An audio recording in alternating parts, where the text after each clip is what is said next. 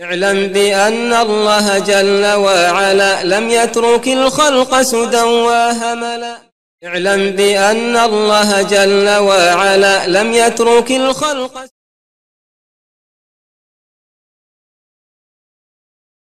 بسم الله الحمد لله الصلاة والسلام على رسول الله استعين بالله لا حول ولا قوة إلا بالله اللهم لا سهل إلا ما جعلته سهلا وأنت تجعل الحزن إذا شئت سهلا اللهم أرنا الحق حقا وارزقنا اتباعه وأرنا الباطل باطلا وارزقنا اجتنابه ولا تجعل الحق ملتبسا علينا فنضل اللهم آت نفوسنا تقواها وزكها أنت خير من زكاها أنت وليها ومولاها برحمتك يا أرحم الراحمين.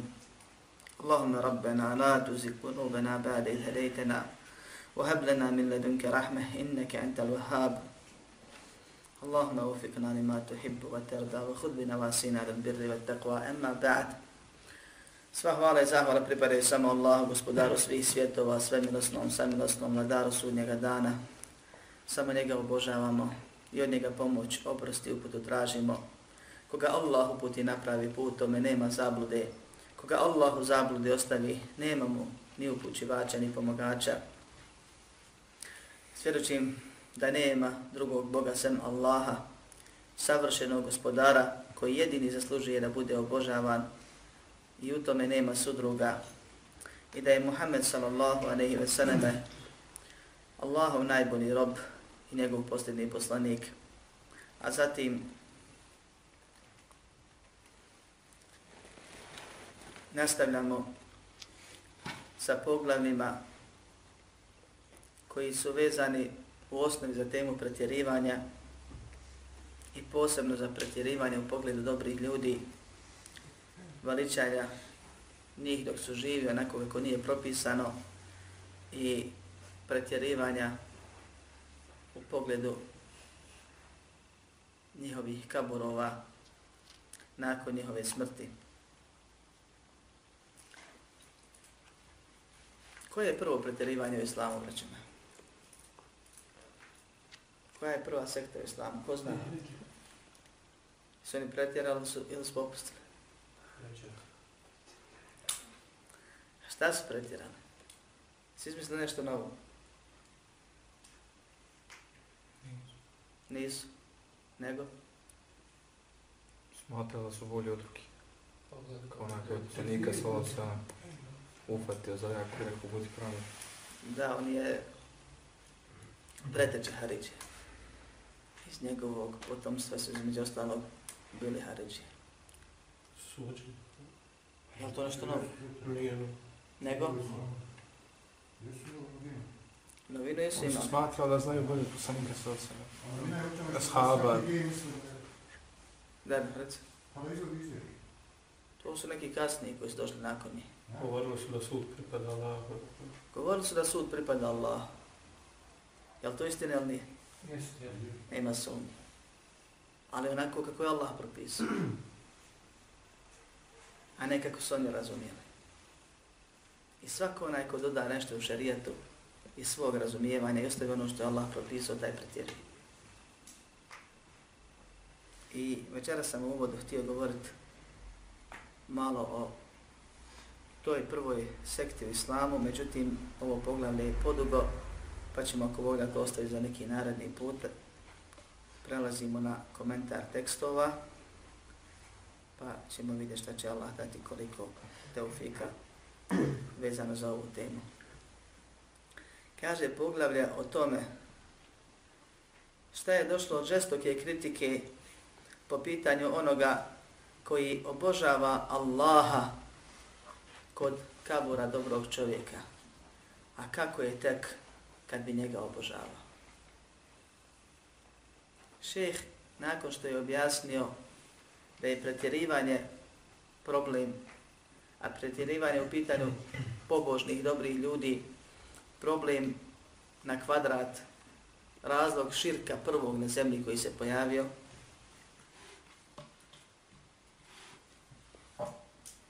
I cilj prošlog poglavlja je bio da se objasni da je to širk između ostaloga, mi smo već govorili o vrstama unaprijed, i da je to razlog prvog širka na zemlji i da to može da odvede u širk, da izvede iz da je to uzrok prvog kufra, da je to ono što ljude tjera da ostave vjeru, da odnosno da promijene vjer do te mjere da prestaju biti muslimane, kao što se desilo sa Nuhovim narodom. Dođu ljudi i kažu šta fali, mi samo Allaha obožavamo. Nećemo mi njima i bačiti, se slažemo, to je kufr, to je kufr po koncensusu. Obožavanje, činjenje i badite nekome sem Allah. Dođu i kažu, mi idemo tamo na kabur kod tog dobrog, samo zato što je to se vatnije, beričetlije, mi klonjamo Allahu, mi tavafimo Allahu. Ali pošto ne možemo da dobacimo do kabe, mi tu oko tog kabura, jedno i drugo su Allahu ostvarenje, jedno i drugo Allah voli, pa mi ne činimo širk. Kažemo, pravo ste, vi ne činite veliki širk. A to što radite, zato su došle žestoke prijetnje na jeziku poslanika Muhammeda sallallahu alaihi wa sallam i kritike toga što radite. I to nikako nije dobra stvar. Kao što kaže šta fali zikr. Zar nije seva seba počit Kur'an? Pa jasin mrtvima, šta fali učenje Kur'ana, kako to može biti novotarije i tako dalje i tako dalje. Ista šubha se javlja ovdje. Kaže šta fali i baraditi Allah, Ko što mu klanjam kod kuće, toliko odem i tako isto odem na kabur šeha, pa se sjetim njegovog ibadeta, pa hoću od njeg bereketa, pa tu kaže klanjam Allahu, tu budem skrušeni, tu budem bolji, tu se nadam će mi se Allah smilova zbog prisustva šeha i tako dalje. Kaže im se, to šta fali, fali svašta. Ne da fali, nego ima i viška. Jeste vi dodali na šarijat.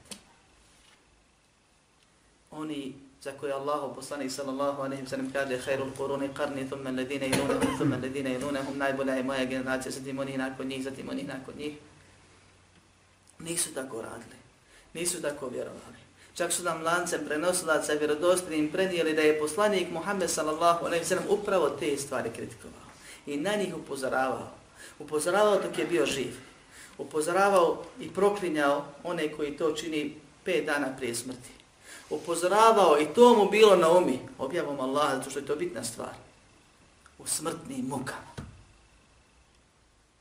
I ti dođeš i kažeš šta fali. A dođu i kažu, promijene Allahovu vjeru ili slijede promijenjenu vjeru. Uzme o, o ibadet koji u osnovi postoji, zikr, pa ga načini nekakvim posebnim zikrom. I kad mu kažeš da je to novatarija, Kaže, ta fali, jes, otkud je zikrit haram? Nije zikrit haram, onako kako je propisan. Ali je haram mijenjati bilo koji propis pa i propis zikra. Nije klanjati haram, onako kako je propisano. Naprotiv, to je seva. Ali klanjati na nakaradan način, na način na koji, koji je suprotan riječima poslanika Muhammeda sallallahu alejhi ve sellem sallu kema ra'itu usalli klanjati kako vidite mene da klanjam, je problem. Klanjati umjesto u kući ili u džami ili onako kako je propisano ili shodno svojim mogućnostima, otiš maksus na neko dovište, na neki ko turbe, na kabur nekog čovjeka, na neko, ne znam, nija mjesto, sveto, i tamo maksus sklanjat, da bude sevapnije je problem, jer nemamo za to dokaz u šarijatu, a imamo dokaze protiv toga. I s tim ciljem je šeh spomenuo ovo, ovo poglavlje. Prvo je objasnio da je to stvar koja vodi u širk i dokazao i da je to bio uzrok prvog širka na zemlji, širka Nuhovog naroda, a nakon toga, prisjećajući se onoga što ljudi govore i prigovaraju, dolazi da razbije podšubu, da se tako izrazim, nakon ove prve, i kaže, ako bi neko rekao šta fali, evo što, šta je i čemu to vodi. kaže fi sahih an Aisha anna umm Salamah ذكرت لرسول الله صلى الله عليه وسلم كنيسة رأتها بحبشة بأرض الحبشة وما فيها من السور فقال أولئك أو أولئك إذا مات فيهم الرجل الصالح والعبد الصالح بنوا على قبره مسجدا وصوروا فيه تلك الصور أولئك شراء الخلق عند الله قال الشيخ صحيح kad čovjek ne može da se sjeti da li je kod Buhari ili kod muslima, može da kaže u sahihu. Dakle, u jednom od dva sahiha. A ovaj hadis je kod Buhari i kod muslima. I nema sumnje njegove dostojnosti.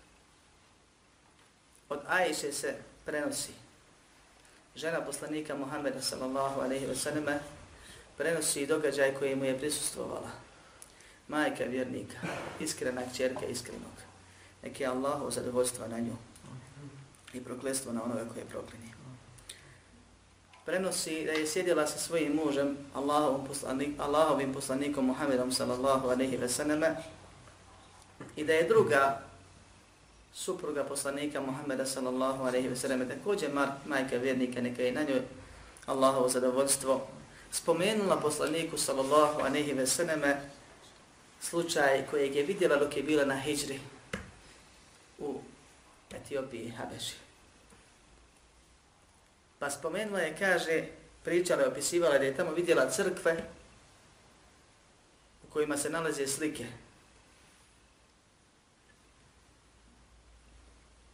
ili kipove.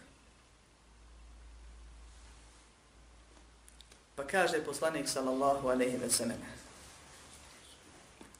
Takvi su kada bi među njima umro preselio čovjek dobar ili dobri rob, ovo je sumnja od ravije, nije od poslanika sallallahu alaihi ve sellem. On je rekao jedno, ili dobri rob ili dobri čovjek. Misli se na rob Allah, ne na rob u, u robovlasničkom smislu koje je bilo prisutno njihova doba.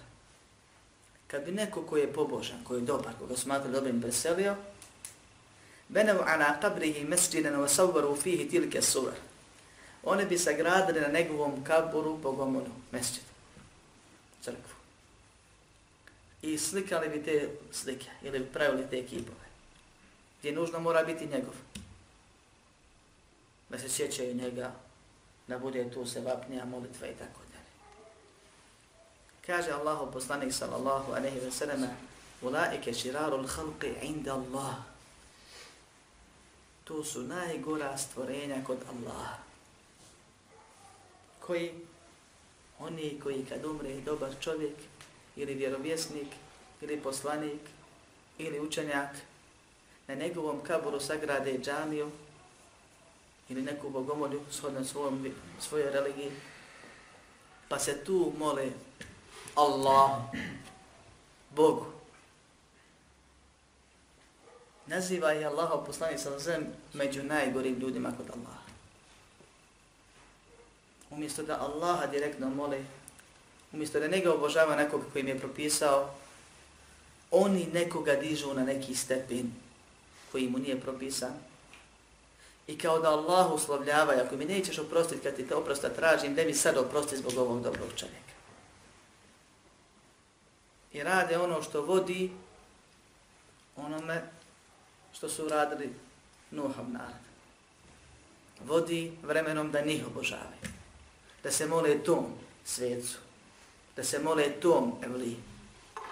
Da se mole tom preminulom šehu. Svejedno da li on bio dobar ili bio loš, a oni ga smatrali dobrim.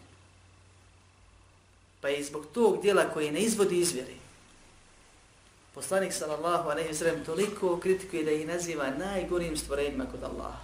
A samo su dobro željeli. I svako ko uvede novotariju, odnosno pretjera u vjeri, samo dobro želi. Ima lijep nijet i mi ne sumnjamo u njegov nijet kao što ne sumnjamo na ispravnost njegovog dijela. Jer dijelo poradimo sa objavom koja je pravi put, kao što je više puta dokazano. I u Kur'anu jasno, naznačeno i kazano. Pa ako se slaže sa objavom, to je dobro dijelo. Ako se ne slaže sa objavom, ako je neko Allahov šarijat, propis kojeg je Allah objavio Muhammedu sallallahu aleyhi ve sellem, on ga nama spomenuo i propisao, promijenio, onda to nije dobro Jer mi dođemo u situaciju da slijedimo čovjeka koji je promijenio ili Muhameda sam svemi da biramo. Nema se tu šta birat. To je jasno čije ćeš izabrati. I vidite šta Muhammed sallallahu alaihi sallam kaže u hadisu koji bježe Buharija i Muslim. U vjerodostojnom hadisu. Za one koji to radi. I kako ih naziva. I spominje razlog zbog čega to radi. A vidimo danas turbeta koja se gradi grade i džamije koje se grade i ostavlja se mjesto u svijetu je to raširenije nego kod nas, hvala Bogu.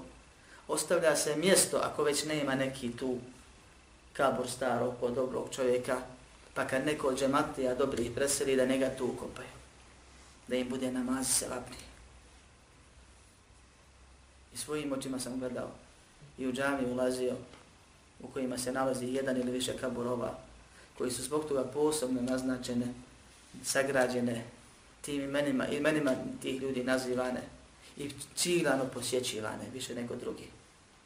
I svojim očima sam gledao kako postoji kabor, a pošto mi pratimo kad uđemo u grad gdje ima džamija s kaborom i džamija bez kabora, a poslanci se zabranili da se klanja tamo gdje, gdje ima kabor i na kaboru i prema kaboru, idemo, tražimo džamiju kada nema kabor, pa vidimo kabor i vidimo da nema onog dijela gdje mejit boravi.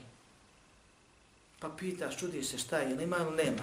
Kaže, nema, nema kabora, još čeka se neke vlijeda presre. Pa će ga onda tu staviti. Ali napravili su mu mjesto. Oskudice, znate kako je pa kad dođe neki. Kaže komentator šejh rahimahullah فهؤلاء جمعوا بين الفتنتين فتنة القبور وفتنة التماثيل I on je uzeo ovu rečenicu iz govora prethodnih učenjaka koji su komentarisali ovaj, ovaj hadis. Ovi su sastavili između dvije fitne, između dva problema, između dva iskušenja, između dvije smutnje, između dvije greške. Iskušenje kaburovima, fitna kaburovima, oni smo već pričali prošli ders, i fitna kipa, kipova ili slika. A Nuhov narod je pao na oba iskušenja. Jer onom postepenom počeli su slike, zbog kabura su došli, pa su tu zakačili slike, pa su slike pretvorili u kipove, pa su jasno potonje generacije te kipove počeli da obožavaju. Pa je Allah dao da ti kipovi u potopu budu odneseni na obale čide i budu zakopane i dođe Amr ibn Luhaj al-Huzai koji je bio onako da je bio dobar, ne bi mu se to desilo, da se ne izražava drugačije. I usni je šeitana usni blizu. U liku kako Allah zna. Koji mu stihovima fino saže to lijepo pojasni i kaže idi do obala džide, tamo ćeš naći kipove, donesi i pozovi svoje narode ih obožava i ti ćeš biti veličan među njima, slavljen.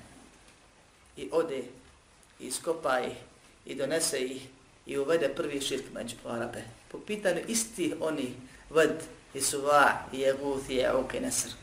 Ista ona imena iz Nuhovog naroda. Pa kaže poslanik sallallahu a nehi veselema, usnio sam ga, ili vidio sam ga, to jest usnu, u vatri, kako se prži u vatri i vuče, nosi sa sobom svoje crijeva koja su prosuta zbog onoga što je uradio. Kaže, u lehuma, to je kod Buhari i muslima, od Aisha također se prenosi لما نزل برسول الله صلى الله عليه وسلم طفق يطرح خميسة له على وجهه فإذا اكتم بها كشفها فقال وهو كذلك لعنة الله على اليهود والنصارى. اتخذوا قبور أنبيائهم مساجد. يحذر ما صنعوا ولولا ذلك أبرز قبره غير أنه خشي أن يتخذ مسجدا. Poslanik sallallahu alaihi ve selleme, kao što nam prenosi Aisha, majka vjernika radijallahu anha, a bileže Buhari i Muslim u svoja dva sahiha, prilikom smrtnih muka, pa kada ga popusti, a znao je da su nesvijesti u smrtnim mukama, kada dođu muke, kao što to spominju komentatori, od bola bi stavio svoju hamisa, a to je odijelo koje ima prugasto odijelo na svoje lice. Pa kad ga popusti, otkrio bi svoje lice. U jednom od tih momenta znao je da u neki, znao je u tim momentima da savjetuje. Nekoliko stvari objavljeno u tom momentu. Jedna od njih je ova. Kad je otkrio lice, rekao je neka je Allahovo prokljestvo na židove i kršćane uzeli su kabure svojih poslanika za mesčide. Upozara, kaže Aisha, radijallahu anha, upozarava, upozaravajući tako na ono što su oni činili. Koga? Nas. Ashabe i oni nakon njih. Upozoravaju tim riječima. Nije on proklinje onako što mu se proklinje neko tamo lijevi i desni. Nemojte vi to raditi svojim kaburom. On ide pred smrt. Zna da je smrt. I kaže, neka je Allaho proklestvo, proklinje Allahov poslanik Dovi Allahu da mu se ne smeli onome ko to radi. kako bi upozorio mene i tebe da ne padam u tu grešku koja širku vodi, a gospodara srdi. Kaže, وَلَوْنَا ذَلِكْ أُبْرِزَ قَبْرُهُ غَيْرَ أَنَّهُ خُشِيَ أَنْ يُتَّخَذَ مَسْجِدًا Da nije tog razloga, njegov kabur bio za, javan, zakupan u groblje, ostali, pokazan. Nego je se, kaže, bojalo da ne bude uzet za mesčid. Mesčid u arapskom jeziku i u šarijatu znači mjesto gdje se sežda, sežda čini. Ili samo činjene sežde. Ili organi kojima se čini sežda. I ono što je izgrađeno radi obavljanja namaza. Dakle, mesjid ono što mi znamo, čamija, bilo koje vrste. Ili bilo koje mjesto gdje ti trenutno klanjaš. Ili bilo koje mjesto koje čovjek sebi uzeo da obavlja tu namaz iz običaja ili potrebi. Radi na nekom mjestu i kaže ovdje ću klanjati. To se zove mesčid. Nema iste propise kao mesčid džamija, ali se zove mesčid. I samo klanjanje i tijela, dijelovi tijela kojima se klanja, također se zove mesčid. Ovdje nas, su nam bitne ove tri stvari. Mesčid je džamija, mesčid je mjesto koji, na kojem trenutno insan klanja, I mešćid je mjesto koje eventualno sebi odredio čovjek za obavljanje namaza. Propisano ženi muslimanci u svom dijelu, nekom dijelu kuće koji je skrovitiji od drugih, mirniji, da sebi odredi i napravi mjesto gdje će obavljati namaze. I bariti Allah. I da ga uljepša, ukrasi sredi. I to je od sunnata. I to se zove njen mešćid. kaže Aisha da nije toga tog razloga da se nije bojao da neće njegov kabur uzeti za mesčit. Bio bi javno pokazan. A znamo da je poslanik sallallahu alejhi ve sellem ukopan gdje?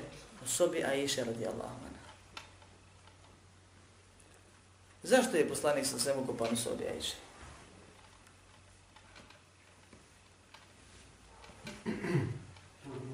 Zato što se može ne smije žena, mislim, čuo sam da se ne, ne, ne mogu žene ženiti. Poslanika, da se smatra da nije nekako bolji. Bilo je trebalo da poslanici na mjestu gdje su ovaj preselili da su tu hvali. Maša.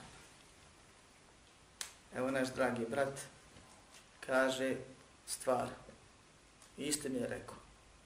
Ali ovdje ima problem, neće spominje drugu stvar. A Iša radijallahu anha kaže da nije tog razloga bio bi ukopan javno. A znamo da su oni razmatrali gdje da ga ukopaju, a sahabi radijallahu anhu, pa jedan od njih rekao, čuo sam Allaha, poslanik sam da kaže, poslanici se ukopavaju na mjestu gdje preseli. I to je propis. Pa je ukopan na mjestu na kojem je preselio. Na istom mjestu. Braćo moja, postoji razlika između propisa i mudrosti propisa. Jedno je propis da čovjek posti mjesec Ramazan svaki dan od zore do zalaska sunca. Znao mudrost, ne znao, on je obavezan da posti. Ne bude htio postiti propisano, prost mi nije ispravno. Kaže, pojaću u pola osam pođen, kad pođe na posao, ne može. A što je post propisan?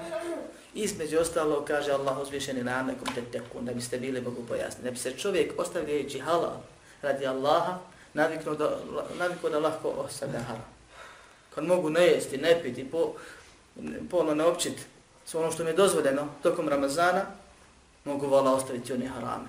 Kad se mjesec dana trpio od onoga što mi je halal u osnovi, da ne radim, lahko je ostalo i da se se osjeća sa, sa, sa siromašnima, gladnima i tako da. Sve mudrosti propisa. Propis je jedno.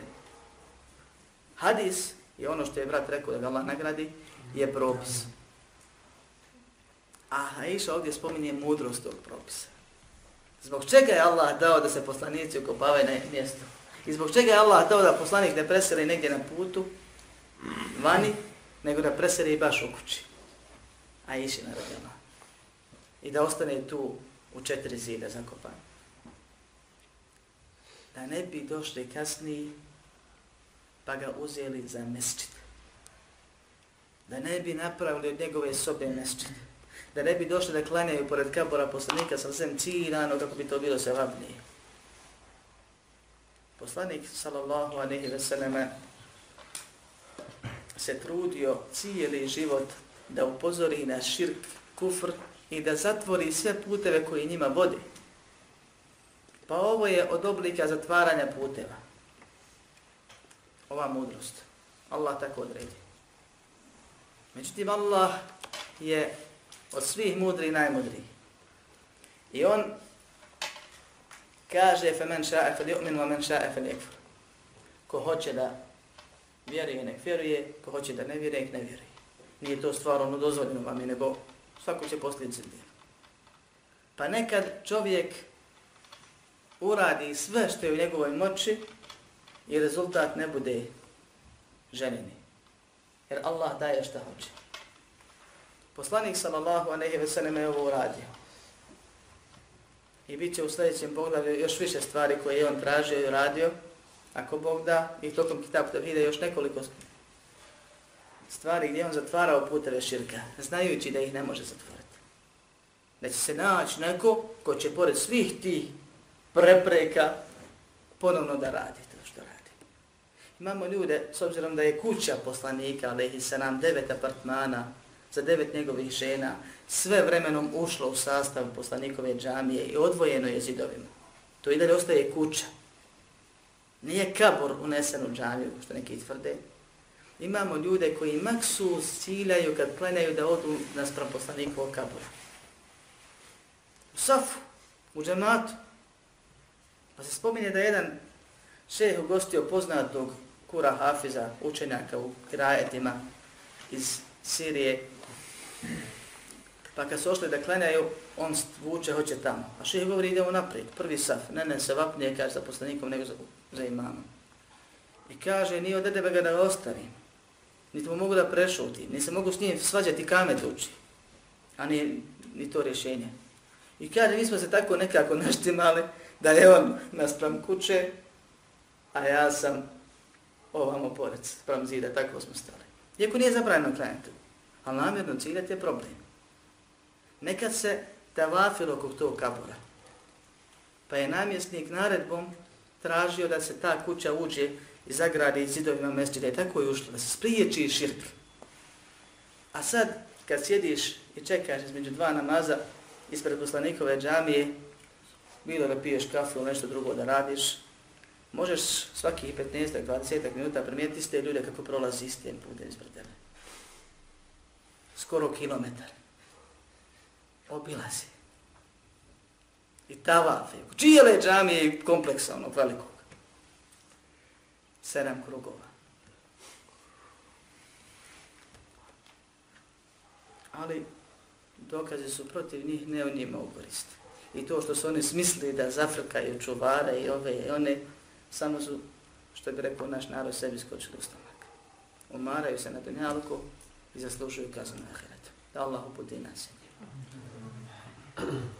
Kaže muslim bileži od Džunduba ibn Abdullaha da je rekao, čuo sam Allahu poslanika sallallahu aleyhi ve sallame, prije nego je preselio na pet dana, kako govori, inni ebra'u in Allah en yekuna li minkum khalil. Fa inna Allah kad ittakhadani khalilan kama ittakhada Ibrahima khalila walau kuntu muttakhidan min ummati khalila lattakhadtu Abu Bakrin khalila. ألا وإن من كان قبلكم كانوا يتخذون قبور أنبيائهم مساجدا أنا فلا تتخذوا القبور مساجد fe inni anhaakum an dalik. kaže pet dana prije smrti poslanik sallallahu alejhi wa sallam govori nakon što je nastao nesporazum oko toga ko će ga zamijeniti u namazu. Pa su žene njegove tražile da Omer klanja jer je glasniji i po njihovom mišljenju stabilniji. U kojem smislu? Ebu Bekr kaže kad klanja, čim kaže Allahu Ekber i počne učiti na glas, on počne plakat. Pa mi kaže, nit glasno uči, nit možemo šta da razumijemo njegovog plaća. Jer tako klanja, s jedne strane. A s druge strane situacija od po pitanju Muhammeda sallallahu alaihi sallam je bila također zahtijevala tako nešto. Pa poslani se sam kaže neka vam klanja Ebu Bekr i padne u nesvijest, posle pita ko je klanjao, one govore neka klanja Omer. Pa se naljuti na svoje žene. Zbog toga. I tako dalje, i tako dalje. Na kraju kaže, je Allahu al muslimuna illa Ebu Bekr. Allah je vjernici, odbijaju se Ebu Bekr. Neka klanja Ebu Bekr, Ebu Bekr je nastupio i klanjao. I to je bio išara da ga on naslijedi nakon smrti. Radi Allah.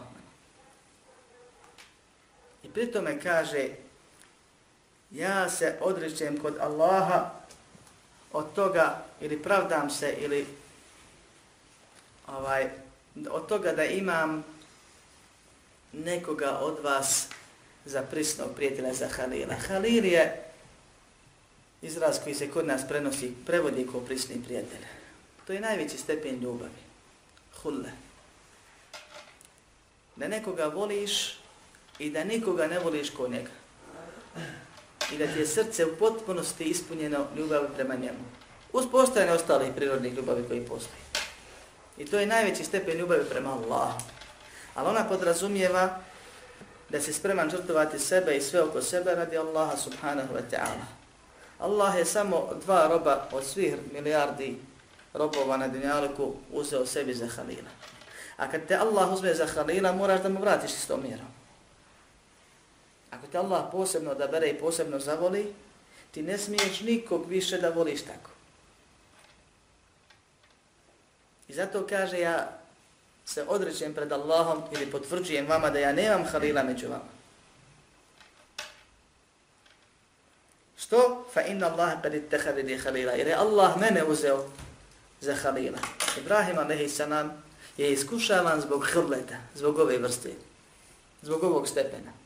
Pa mi je naređeno da ko kurban prinese sina, pa je to uradio. Pa mi je naređeno da ostavi sina i ženu u pustinji gdje ni ptice ne leti. Ne, ništa. Pa je i to uradio po naradi gospodara. Sve ono za čim se čovjek veži. Allah ga iskušavao u tomu. Prvo da nema djece pa da dobije dijete kasno, pa ga zavoli, pa ga Allah iskuša. Da se vidi koga više voli. Pa je postao Halilullah. Allahom posebni. Onaj koga Allah posebno voli. I Muhammed sallallahu aleyhi ve sellem je Halilullah. Onaj koga Allah ovom vrsti ljubavi voli. I zato kaže, ja nema među vama Halila, prisnog prijatelja. A Ebu Hurere kaže, Ausani Halili bi thanathin. Moj Halil, misli na Muhammeda sallallahu moj prisni prijatelj, moj voljeni, mi je oporučio tri stvari.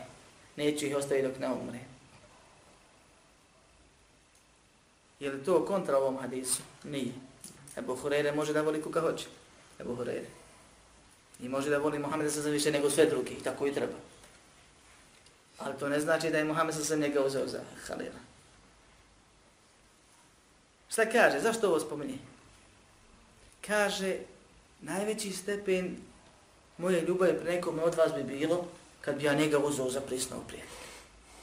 Ali ja to nisam uradio jer je mene Allah uzeo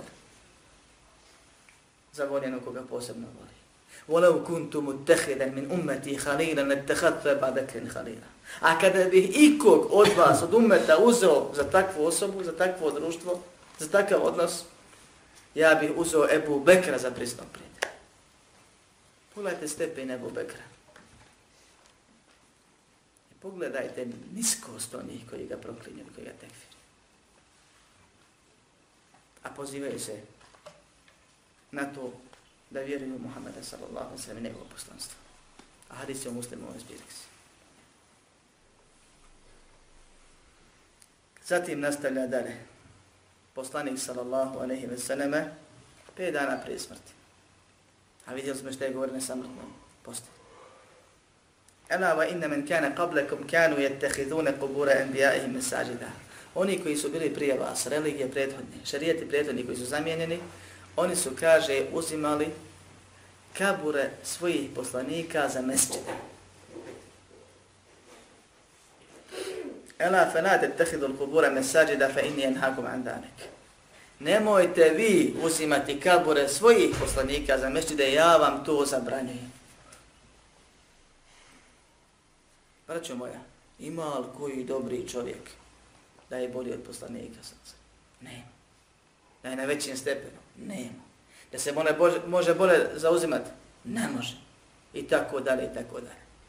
Allah poslan se upozorava na sebe i na sve ostale ispod njega svakako. Preči su da se njihovi kabori ne, ne uzimaju. Kad ne možemo kabor poslanika sa zamuzeti za mjesto gdje ćemo mi klanjati, kod njega pa da se bolje osjećamo, pa da se prisjećamo, pa ovo, pa ono, i da se vape neke bereket uzimamo. Allahu klanjati. U širku je stvar jasna, da se klanja njemu na udobi. Onda ne možemo kabur bilo kojega vlije, šeha, turbe, ovo, ono, mjesto, pećinu, dolinu i tako da uzeti, da cijano idemo tamo da klanjamo, kaže se vapni. Ni jednom, ni dva put, ni tri put. Niti ćemo dobiti kakvu nagradu, kakvog hađa, umre i tome slično. Nego možemo dobiti samo Allahov prokletstvo, jer je poslanik sa zemlji dobio protiv onih koji to radi. To nije mala stvar. Kaže, fe inni enhakum an dalek. Napominje i kaže, nemojte to raditi, ja vam zabranijem. A već je zabranio reći, ma nemojte to raditi. Poslanik Muhammed sallallahu alaihi sallam zabranije kaže, odnosno citira šeh, ovdje šehol Islam ibn Taymiju, koji je nakon što je u svojim dijelima pisao o ovoj istoj temi, spomenuo jedan zaključak. Kaže, فَقَدْ نَهَا عَنْهُ فِي آخِرِ حَيَاتِهِ ثُمَّ إِنَّهُ نَعْنَ وَهُوَ فِي السِّيَاقِ مَنْ فَعَلَهُ Poslanik sallallahu alejhi ve sellem je zabranio tu stvar, to jest uzimanje kaburova dobrih ljudi za mjesto gdje će se klanjati za mjesto ibadeta. Kad? Kaže, ne pred kraj svog života, cilja na ovih hadis pet dana pre smrti. Zatim je prokleo tokom smrtnih muka, onoga ko to čini. والصلاة عندها من ذلك وإن لم يبنى مسجد وهو معنى قوله خشي أن يتخذ مسجدا فإن الصحابة لم يكونوا ليبنوا حول قبره مسجدا وكل موضع قصدت الصلاة فيه فقد اتخذ مسجدا بل كل موضع يصلى فيه يسمى مسجدا كما قال صلى الله عليه وسلم جعلت هي الأرض مسجدا وطهورا Kaže, namaz kod kabura se također smatra uzimanjem kabura. Jer makar ne bio sagrađen mesčid. I to je značenje njenih riječi, to je radi radijallahu anha, i straha da ne bude uzet za mesčid. Jer ashabi nakon što su čuli ovo objaj hadis posljednji, nima nije neum podalo da grade mesčid. Kaže, fa inna sahabete nem je kunu nebnu havla kabrihi mesčida. Ne bi ashabi svakako gradili oko njegovog kabra mesčida, nisu znali to. Znali su šta je tevhid s jedne strane, čuli su ove oporuke u najtežim momentima. Nego je to dokaz da kad bi neko došao i klanio kod kabura, on bi kabur uzeo za mesečit. I kad bi neko došao kod kabura, da obožava Muhammeda sallallahu alaihi sallam, da, da, tako, da obožava ako što rade ljudi, tako što će ga moliti. Moliti ga za obsadu, moliti ga za sreću, moliti ga za nafaku i za sve drugo što samo Allah daje, uzo bi ga za kipa sebi. Ne vidimo ovdje ništa, to je kabor poslanika Muhammeda s.a.v. Ali za njeg je to mjesto kao tamo neki kip. A to će biti to detaljno dokazano ako Bog da u sljedećem pogledu. Međutim, ovdje je pojenta da se naglasi i dokaže da je mjesto gdje klanjaš zove se mesčid. I ako odeš da klanjaš kod kabura, ti si kabur uzeo za mesčid. A to je zabranjeno strogo šerijetom, kao što smo čuli. Kaže, svako mjesto koje se posebno cilja radi namaza, smatra se mesčidom. I svako mjesto na kojemu se klanja, zove se mesčid. Dokaz zato su riječi poslanika sallallahu alaihi ve sellem u hadisu koji bliže Buhari i Muslim također, وَجُعِلَتِ الْأَرْضُ مَسْجِدًا مُطَهُرًا Učinjen nam je cijela zemlja mesčidom i čistom. Što znači mesčidom? Cijela zemlja džamija nije. Nego da možeš gdje hoćeš da klanjaš. I to je dokaz da svako mjesto na koje klanjaš zove se mesčid. Da ne bi neko rekao, mogu ja otići na groblje pa klanjati kod tih dobrih ljudi, samo bitno da mi ne gradimo tu temelj, coklo i ostale stvari. Neko je Poenta u tome da se znači ovaj ne ide i ne cilja mjesto dobrih ljudi, kad svakako ne možemo mjesto poslanika, ali im salatu wasalam, oni su preći kad bi bilo to ispravno što neki nijete, da se ide, jer ako bi to čovjek uradio, to bi se smatralo da je uzeo to mjesto za mesčit i na njega se odnosi ove dove poslaničke koji nimalo nisu obećavajući. Bileži Ahmed sa dobrim lancem prenosa za Ibn Mas'uda radijallahu anhu da je Allah poslanik sallallahu alaihi wa sallam rekao inne min širarin nas men tudrikuhum usa'atu wa hum ahya walladine ittahiduna al-qubura min sajida. Šeh je nakon što je već ovaj propis spomenuo pre, prije, ili Šaret je dokazao u hadisu koji je prvi spomenut, ponovno dolazi s jednim hadisom, gdje poslanik sallallahu alaihi wa sallam kaže od najgorih ljudi, i ovdje je riječ odbitna, od najgorih ljudi su oni koje zatekne kijametski dan, smak svijeta, a oni živi. Ja znamo da je došlo u hadisu, da se to neće desiti vjerodostanom sahihu, da se to neće desiti osim nakon što Allah uzme duše vjernicima, pa postanu nevjernici. I što zaborave potpuno za Allaha, i što zaborave potpuno za moral, tako da će se na putu polno općiti ko magarci, kao što je došlo u hadisu. I svima će to biti normalno. I nad tim će se desiti smak svijeta. Kaže, najgori ljudi, od najgorih ljudi su oni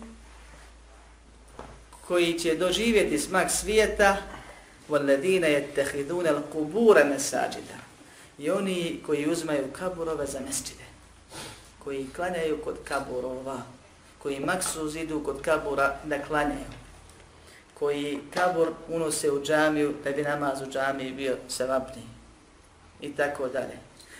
Prije je rekao u prvom hadisu u laike sirarul halk. To su najgora stvorenja. Za one koji to rade, a vjernici A ovdje pojašnjava od najgorih stvorenja. Dakle, ima puno vrsta najgorih stvorenja, to je jedna od vrsta. Da ne bi neko rekao kako to, za nije nevjernik, gori od njega. Jest. Ali je to toliko teško i toliko Allah to ne voli i zabranije, da je i, i taj spada u kategoriju na, od, oni koji su najgore, imaju se kategorije. I ovdje nije rečeno, kao u prednom hadisu, kabura je vjerovjesnika, kabura je poslanika. Da ne bi ponovno neko rekao, dobro, nećemo kabor poslanika, ali hoćemo kabor šeha. No kaže, voledine tehidun el kubur, koji uzimaju kaborove mesađida za mjesečide, za mjesto gdje klanje. Tako da nije ostala nikakva šubha za koju se može uhvatiti onaj koji je, koji ga je neko naučio pogrešno da radi to što radi, pa kad mu nešto zatreba, pokupi se po danu, a često i po noći, što još daje malo dozu, neku posebnu, i onda ode da klanja kod kabura šeha i moli se Allahu tu, pa mu vremenom šeitan objavi ili pošalje nekog ljudskog liku da mu kaže pa taj je svetac, taj je dobar, taj je vlija. Kad već Allah ti nije dosad se odazvao molbi, probaj njega za molbi, nek on moli. Pa onda izvjera izađe. Počne da se moli, da dovi čovjek koji je mrtav, a koji je dobar, uživa u berzahu, ne zanima ga, ne čuje, ne zna šta se dešava iznad kabura, Ako je loš, a ljudi ga smatrali dobrim, jer samo Allah zna suštinu, mi sudimo po vanštini, pati se u kaboru, ponovno ne zna šta se dešava, ovaj jednik dođe na njegov mjesto gdje je zakopan, pa se moli Allahu ne tražeći nekakve stvari koje misli da ne može dobiti kod kuće. Allah kaže, وَقَالَ رَبُّكُمُ دْعُونِ يَسْتَجِبْ لَكُمْ Gospodar govori, pozovite me, ja ću vam se odazvat. Kur'an. Ili ne do Allah da ga moli. Ovim se završava komentar ovog poglavlja. Ako Bog da, ostalo nam je još jedan ili dva poglavlja vezana za ove teme, gdje ćemo govoriti o još nekim drugim oblicima pretjerivanja. Pojenta ovog poglavlja je ono što je u naslovu spomenuto. Pogledajte koliko stroge kritike su došle onome ili onome ko klanja se i moli se Allahu na mjestu gdje je zakopan dobar čovjek, poslanik, evlija, šejih, učenjak, pobožnjak. A kako je tek sa onim ko čini dovu njemu, ko njega moli, ko njemu tavaf čini, ko zbog njega dođe pa glavu obrije pa mu se ponizi. I sva šta ima.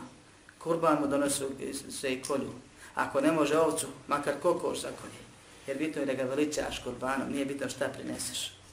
I Boga mi to se dešava svaki dan. U muslimanskim zemljama razno razno. Ko je putovo, taj je vidio.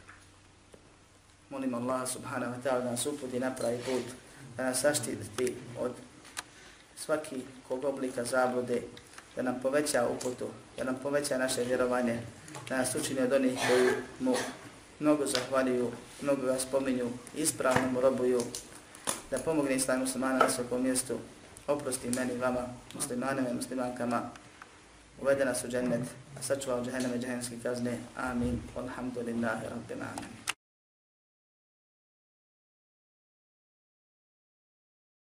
اعلم بأن الله جل وعلا لم يترك الخلق سدى وهملا اعلم بأن الله جل وعلا لم يترك الخلق